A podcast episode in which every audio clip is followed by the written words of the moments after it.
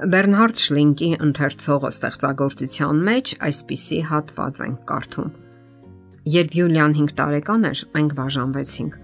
Այլևս չէինք կարող իրար հետ ապրել։ Մենք հեռացանք իրարից առանց դառնության եւ մնացինք լավ ընկերներ։ Ինձ տանջում էր միայն այն միտքը, որ մենք չկարողացանք Յուլիային տալ այն ջերմությունը, որի կարիքը նա ուներ։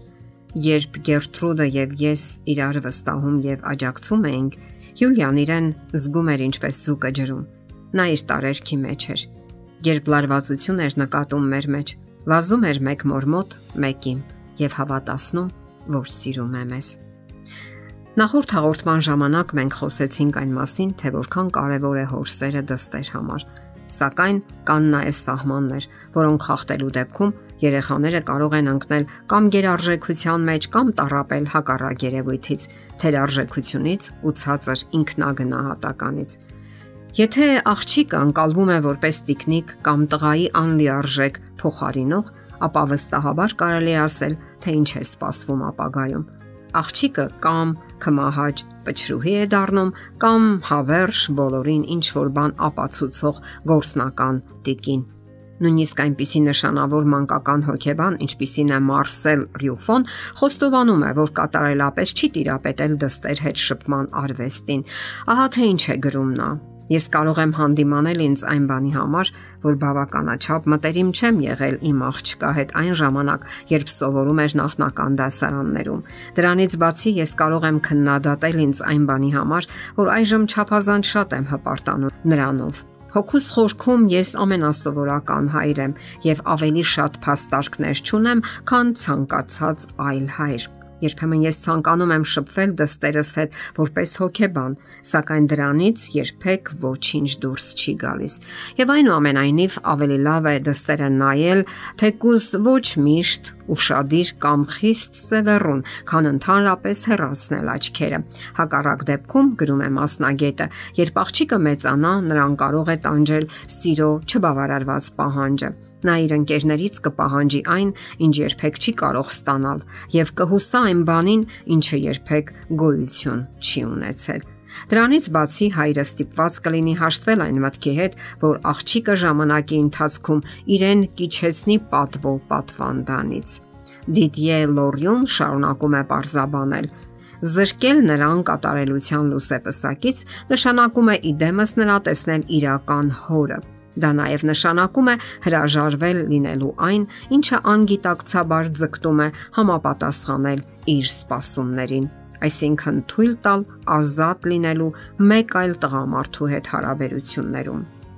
Ազատության ժամանակը վաղ թե ուշ գալիս է։ Հայրը պետք է ազատություն տա դստերը կատարելու իր ընտրությունը։ Մինչ այդ ինքն էր փորձագետը, սակայն այժմ մեկ ուրիշն է ստանձնելու այդ դերը եւ դա բնականon է։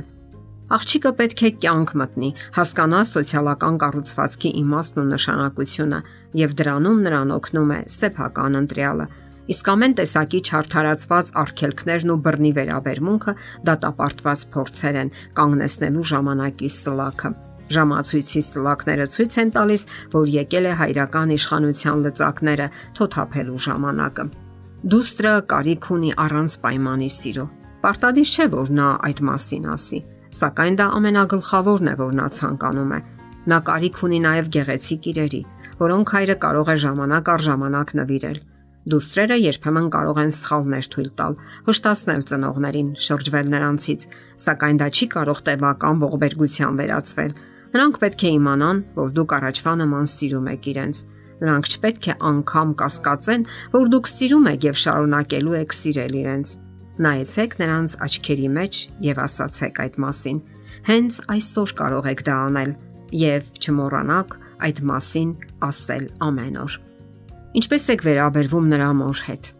Նրա մայրը ձեր կինն է։ Լավագույնը, որ կարող եք անել ձեր դստեր համար, նրա մորը սիրելն է։ Հեշտ է կյանքը երեխային նվիրաբերելը։ Կարելի է ապրել երեխայի խմբակներով, դասերով, մրցույթներով, դասարանից դասարան տեղափոխվել, Սակայն հոգեբանները միաբերան պնդում են. պայքարեք ձեր ամուսնության համար, թող այն գերակա լինի ձեզ համար։ Դժվար չէ նկատել, որ եթե դուք ամուսնական հիմնախնդիրներ ունեք, դա այս կամ այն կերպ անդրադառնում է նաև երեխաների վրա, եւ դա պատահական չէ։ Ահա թե ինչու խորհուրդ են տալիս ժամանակ գտնել համատեղ զբոսանքների համար կամ էլ մի քանի օրով միասին գնալ հանգստանալու։ Երեխաներին անհրաժեշտ է ցույց տալ, որ կինը գերակա դիրքում է եւ որ դուք սիրում եք միմյանց։ Դրանով դուք նրանց կապացուցեք, որ հենց այդպիսի միաբանությունից էլ ծնվել են այդպիսի հրաշք զավակներ, ինչպիսին իրենք են։ Որքան էլ տարիներն անցնեն, ձեր դուստրը շարունակում է մնալ ձեր դուստրը։ Հայրական սերը երբեք չդադարող սիրո երաշխիք պետք է լինի։